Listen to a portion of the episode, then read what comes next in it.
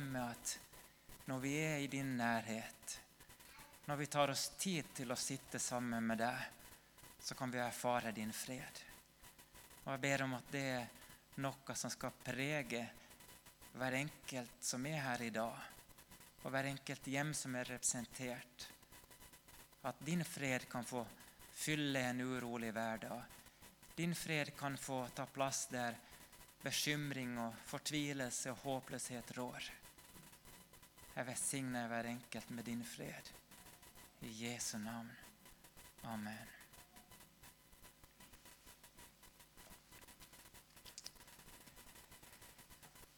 Ja Tvist. Det er noe som av noen anledning, jo nærmere vi kommer jul, så er dette noe som vi ser mer og mer til i butikkene. her er noe som vi ofte blir eksponert for. Twist-posen, en klassiker som ofte er populær. Og En av grunnene til det er at det i hvert fall finnes én smak som de fleste liker. Det finnes noen i den posen som er din favoritt, ikke sant? Det spiller ingen rolle om alle andre biter blir tatt, bare du får din. Ja, dere vet den der følelsen når Twist-skålen kommer på bordet. Og der er min. Den er en god blanding av ulike smaker, på samme måte som menigheten er en god blanding av ulike mennesker med ulike måter å uttrykke seg på, ulike smaker, og som derfor også har evnen i seg til å treffe ulike typer mennesker.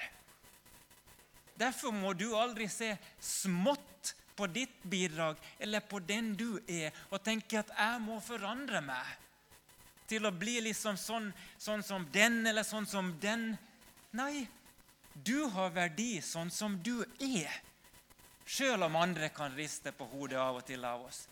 Jeg skal innrømme at jeg var ute og tok meg en joggetur i dag klokken seks på morgenen. Jeg vet, Bård, det, det er mange andre som rister på hodet òg. Og det artige var at på den joggeturen der ute på det såpeglatte Sommerøya, der du seiler rundt omkring, så møter jeg en annen kar. Men han var ikke på tur å stå opp, han var på tur å legge seg. Så vi flirte nå litt av hverandre der vi møttes. Og jeg skal ikke si hvem som sjangla mest der på det såpeglatte. Men vi hadde noe artig der på morgenen. Så tenkte jeg ja, det passer bra inn i dag når vi skal snakke om en god blanding. For det er det vi skal snakke om. Det er to ord som er viktige når vi snakker om temaene disippelskap og tjeneste i livet med Gud to ord. Om ikke du husker noe annet fra prekenen, så kanskje du husker de to ordene. Og så I dag skal jeg også bare ha to bibelvers, så kanskje du husker de òg. De to ordene i dag, og som jeg skal forklare mer om hvorfor jeg har valgt akkurat de ordene. Og de har ingenting å gjøre med alt annet som skjer i Tromsø, men du skal få med deg liksom. De ordene i dag, det er mangfold og faser. Og Det er viktig å tenke på når vi snakker om disippelliv. For hvis ikke vi har med oss disse ordene, så er det fort gjort at vi begynner å sammenligne oss med hverandre. Det er fort gjort at vi blir lei fordi at vi ikke er som den eller den. Det er fort at vi blir nedbrutt for at ikke vi akkurat lykkes sånn som vi hadde forventa. Men vi kan også bli fordømmende for at vi syns at de andre ikke er sånn som vi syns at det, det, burde være, og sånn som det skulle gå for seg. Vi kan bli belærende fordi at vi syns at ja, men sånn skal det jammen være. Hvis vi ser og åpner opp øynene våre og tar turen ut ikke når det er vinter, selvfølgelig, men når det er sommer, ser på Guds fantastiske natur, så oppdager vi at Gud han er en Gud som elsker mangfold. Det er en enorm variasjon av blomster, planter, trær, dyr som er skapt og forma av Gud med forskjellige former og forskjellige farger. Eller neste gang du går på Storgata, eller du sitter i bussen, ta deg tid og studere litt det enorme mangfoldet av mennesker som sitter rundt omkring deg. Se på alle de forskjellige personlighetene, forskjellige hudfarger, ansiktsuttrykk, ganglag, interesser. Du ser hva de holder på med, og så merker du at her er det en god blanding av forskjellige folk og personligheter. Og det interessante er at alle vi, vi her og alle på bussen, alle på jobben din, alle er skapt i Guds bilde. Uansett så ulike, ulike personligheter og interesseområder vi har, så er vi skapt i Guds bilde. Sjøl om dette bildet i mitt liv, i ditt liv og rundt omkring oss av og til kan det skitnes til, det bildet. Av og til så må det pusses for at Guds bilde skal komme tydelig fram. Men alt vitner om at det finnes en Gud som er kreativ og elsker mangfold. Og Det er viktig å huske på når vi snakker om å være en etterfølger av Jesus. For misjonsbefalingen om å gå ut i hele verden, fortelle mennesker om Jesus og lære dem alt Jesus har befalt oss, den gjelder oss alle. Men vi har ikke alle samme vei å gå når vi utfører misjonsbefalingen. Vi har ikke alle samme måte å uttrykke det på fordi Gud har skapt oss som individer med ulike gaver, ulike personligheter og ulike måter å gi uttrykk for det på. Det andre viktige ordet når vi snakker om, om de, og Her var jo alle de her fine bildene de funnet fram. Om alle de her ulike typene vi møter rundt omkring på bussen. Men det andre ordet er Møter ikke dere de her på bussen? Ikke hver dag. Nei da, det er ok. Kanskje ikke. Du tenker på de med kilten? Ja. Men alle de andre møter vi. Ja. Nei, dere, det andre viktige ordet er faser. For det er jo sånn at livet består av ulike faser. Er du barn og tenåring, så ordner forhåpentligvis foreldrene det meste av hva du trenger for å overleve. Det er sjelden du liksom må gå og jobbe for å tjene penger for å få, få kjøpt deg mat og alt sånt der. Du bruker tiden på skole og fritid. Styrer mye av din tid sjøl, og du har gode muligheter for å bestemme hvordan dagen skal bli. Du har gode muligheter for å bestemme om du vil bli bedre kjent med Jesus, for du har masse tid. Er, student, er du student, så har du litt mer ansvar sjøl. Kanskje du sjøl må sette Grandiosaen i ovnen. Unnskyld, studenter, det var dårlig. Jeg vet, jeg vet dere lager gourmetmiddager hele tida. Men du styrer uansett mye av tiden sjøl. Så plutselig er du ferdigstudert, og forhåpentligvis har du kommet inn på arbeidsmarkedet. Du jobber, men du har fri, uten lekser, uten oppgaver som skal leveres, eller prøver du skal lese til. Og så, før du vet ordet av, så sitter du med ektefelle, du har tre skrikende barn i et hjem der klær, leker og matrester kjemper om plassen på gulvet. Og du vet ikke hvordan skal du få tid til noe i det hele tatt. Du har kommet inn i en ny fase der livet har blitt snudd opp og ned, og du skjønner ikke hvem satte meg her. Hva er det som har falt nedover meg? Så flytter etter hvert barna hjemmefra hvis det går sånn som det bruker, og ikke som Jesus. Det er jo noen som sier at dagens ungdom de ligner veldig på Jesus. De lever hjemme til de er 30 år, og hvis de gjør noe, så er det et under.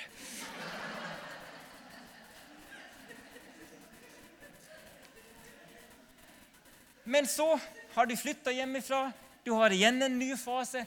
Du har andre muligheter. For å ikke snakke om dagen når du blir pensjonist. Da trenger du ikke å gå til jobb engang. Da skulle en tro at du har tid til å gjøre akkurat hva du vil. Men hva skjer? Jo, pensjonistene de er de mest travle mennesker som finnes i hele verden. De har aldri tid til noe, for de er opptatt. Og Nå skjønner du at jeg har overdrevet litt og karikert hele veien her. Men dette å forstå at livet har ulike faser som påvirker vår hverdag og utfordrer vår tanke om hva betyr det å følge Jesus for meg akkurat her som jeg er i dag, i min livssituasjon. Det er veldig viktig å forstå. Det er viktig for oss sjøl i de faser vi er, for at ikke vi skal stresse, og for at vi ikke heller skal bli bare å sitte og ligge på sofa hele dagen. Men det er også viktig for å kunne forstå andre og forstå og sette seg inn i hvilken livssituasjon er de i akkurat nå. Hans Nielsen Hauge har du kanskje hørt om. Og om du ikke har hørt om ham, så er det første du skal gjøre nå når noen spør deg hva, skal, hva ønsker du til julegave? Jo, du ønsker en biografi over Hans Nielsen Hauge sitt liv. For det burde du lese. Han Hans her, han har betydd mer for Norges utvikling enn vi som lever i dag, kanskje kan forstå. Og Han har sagt mye bra og gjort mye bra, men han sa bl.a. at dette er Guds bok, og den gjelder på livets alle områder. Dette er Guds bok, og den gjelder på livets alle områder. Og vi kan fortsette å si at den gjelder for alle mennesker, og den gjelder for alle faser som vi er i. Jesus sa, 'Følg meg', og så skulle han gjøre oss til menneskefiskere. Dessverre har vi iblant et veldig begrensa bilde av hva vil det si å følge Jesus. Kanskje vi ser på de store evangelistene. Kanskje vi ser på de som jobber i en menighet og tenker at ja, det er sånn en burde ha gjort for å følge Jesus. Men da mister vi noe av det mangfoldet som Gud hadde tenkt.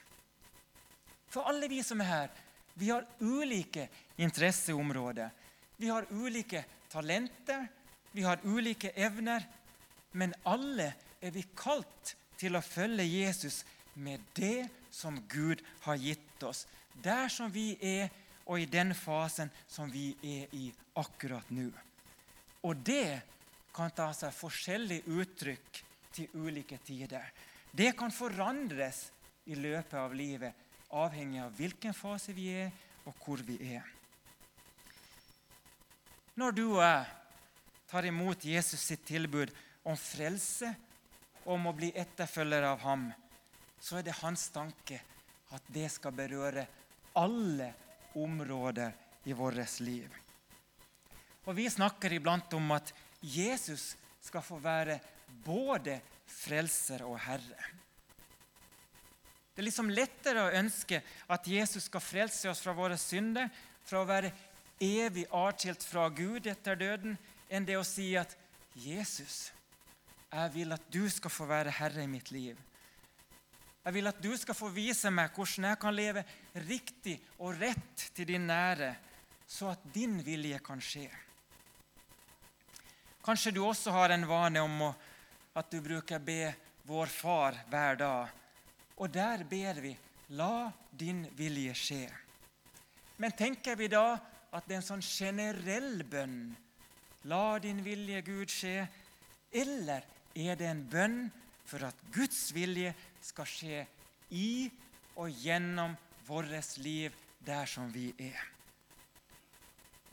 Det er først når Jesus får være herre i våre liv, at evangeliet får slagkraft utover mitt personlige liv og kan begynne å påvirke samfunnet rundt meg. Når jeg setter ærlighet, ansvar, forpliktelse, sannhet og andre bibelske verdier høyt i min hverdag. I forretninger, i arbeidsrelasjoner, i trafikken, i kontakt med fremmede. Når Guds ord får påvirke mine prioriteringer og mine valg angående bruk av både tid og penger, da begynner evangeliet å få kjøtt på beina.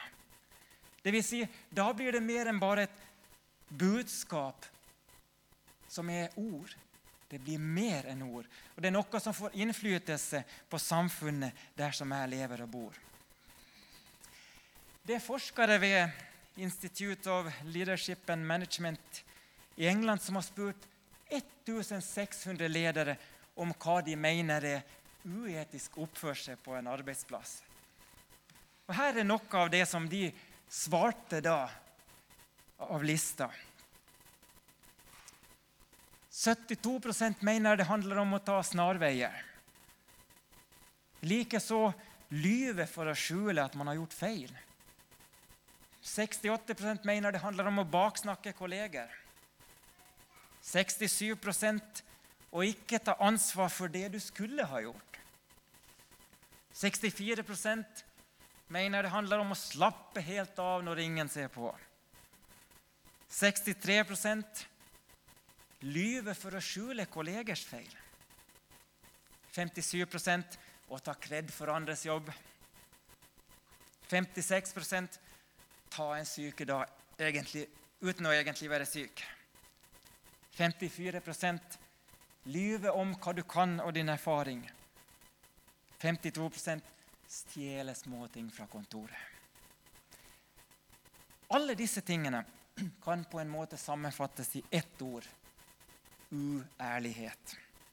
Og Det burde jo være noe som vi ber Gud om hjelp å holde oss unna, uansett hvilken alder, hvilken fase eller hvilke omgivelser vi er i. I en sjokkerende undersøkelse som ble publisert på svea.com den 12. juli 2018, så viser en amerikansk undersøkelse at 93% regelmessig og vanemessig lyger i jobbsituasjoner. 93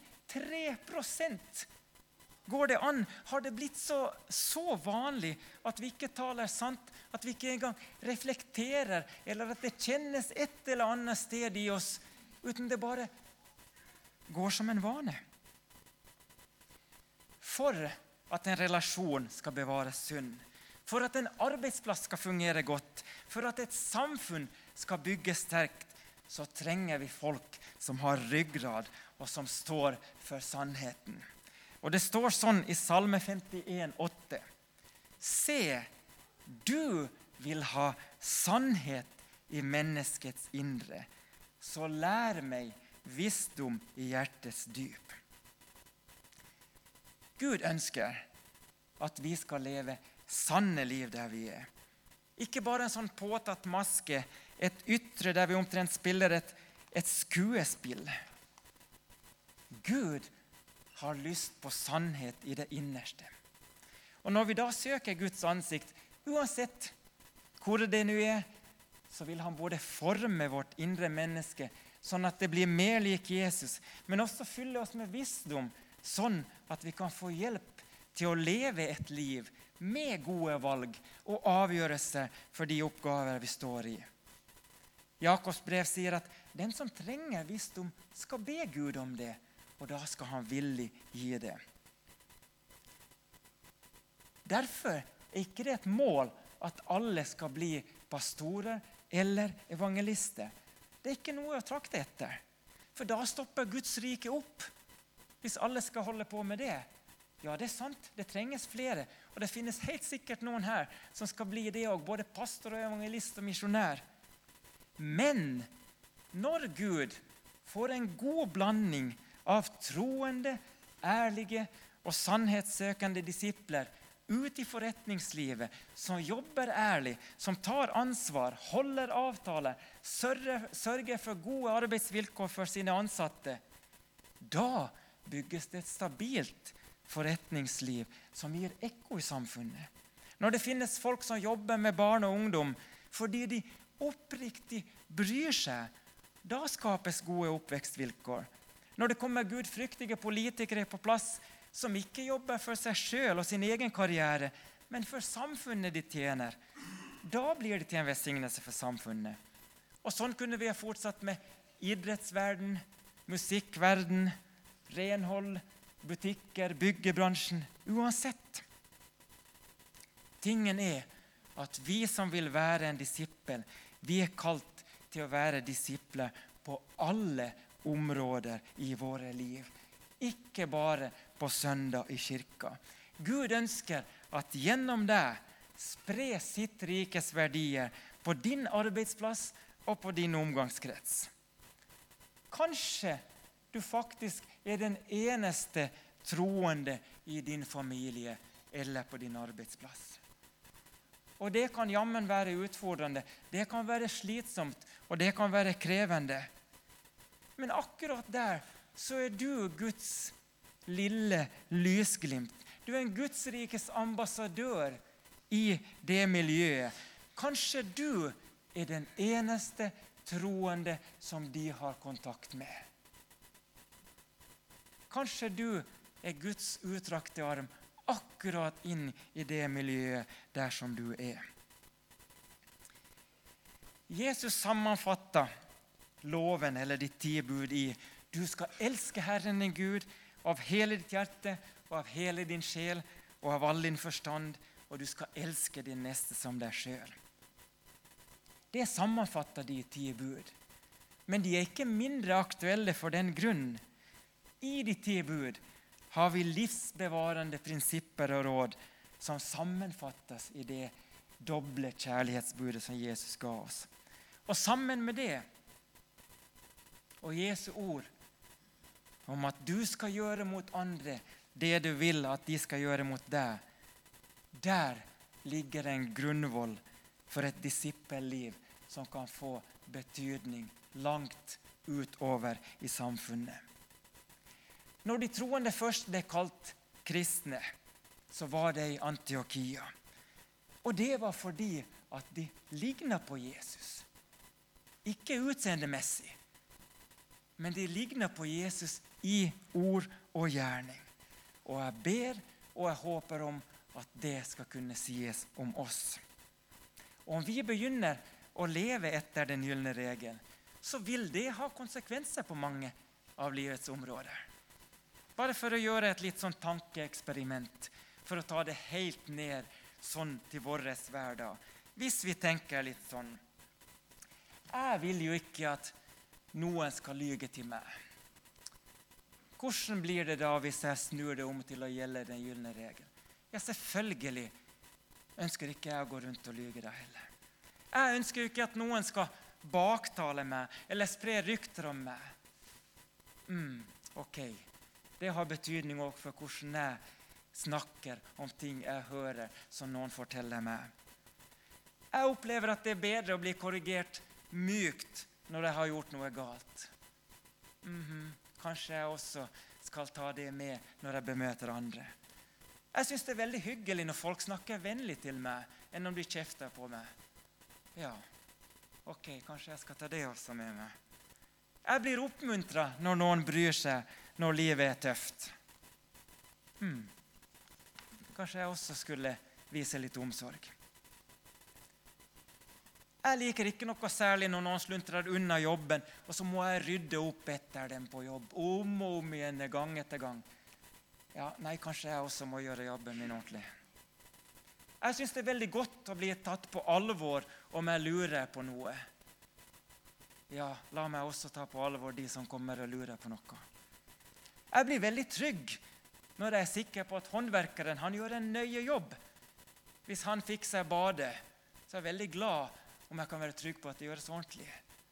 Ja, la meg også være en sånn som folk kan være trygge på. Og så jeg satt med bare, jeg syns det er veldig betryggende når folk blinker i rundkjøringa. Ja, der var vi flere som kjente igjen oss. Det, det kan vi jobbe med. Dere, Gud han har gitt deg gaver og interesser på ulike områder. Noen jobber i en barnehage, skole, andre snekrer, noen kjører søppel, noen brøyter veien, noen bilmekaniker, noen vasker, noen jobber i helsevesenet, noen jobber i butikk. Uansett hvor du jobber, hva skjer med samfunnet om disse begynner å sluntre unna litt? Nja, det er ikke så nøye. Jeg trenger vel ikke å gjøre det beste jeg kan hver gang. Hva skjer hvis du begynner å lyge litt her og der? Jo da, vi sjekka bilen din på EU-kontroll. Hva skjer? Jo, samfunnet brytes ned. Derfor er Guds oppfordring til oss alle sammen Alt dere gjør, Gjør det av hjertet som for Herren, og ikke for mennesker. Gjør det av hjertet som for Herren, og ikke for mennesker. Har det noe å si Jo, jeg tror det. Gjør jobben ordentlig. Ta ansvar. Vær ærlig og hold deg til sannheten. For da er du faktisk med og bygger Guds rike. Fikk du med deg det? Da er du med og bygger Guds rike, uansett hvilken oppgave du har, eller hvilken fase du er i. Du formidler Guds rikes verdier inn i verden. Og det er et disippelliv som får konsekvenser på alle områder i livet. En god blanding av troende som lever ut Guds rikes verdier i ord og handling på sine arenaer, der de er i akkurat den fasen de er nå. Der som de har sine interesseområder, der som de liker å jobbe med de naturlige talentene og evnene de har. Der er du. Der er jeg. Og der trenges du å være i tvistposen. For uten det så blir ikke posen komplett. Når du lever ditt liv med et ønske om å leve til Guds ære, med et ønske om å fortjene Ham, med et ønske om å holde fast ved sannheten og gjøre alt som du gjør, som om du gjorde det for Herren For da hadde du ikke sluntra unna. Ikke jeg heller. Hvis han hadde stått ved sida og sett når jeg skal vaske kjøleskapet, når Astrid har bedt meg vaske kjøleskapet, da hadde ikke jeg sluntra unna. Da hadde det vært skinnende rent. Jeg prøver å gjøre det godt ellers òg, men Når vi lever med den tanken i hodet, da blir vi til en velsignelse for samfunnet rundt omkring oss. Du trenges der som du er. Du er en viktig del i tvistposen. Og det er noen som bare du kan nå ut til, som aldri hadde hørt på meg. Og ikke hørt på noen annen heller, men de hadde bare lytta på deg. Derfor at de har levd ved siden av deg, de har sett deg på jobb, de har opplevd deg i nabolaget. Du er Guds utrakte arm til dem. Amen. Skal vi be sammen?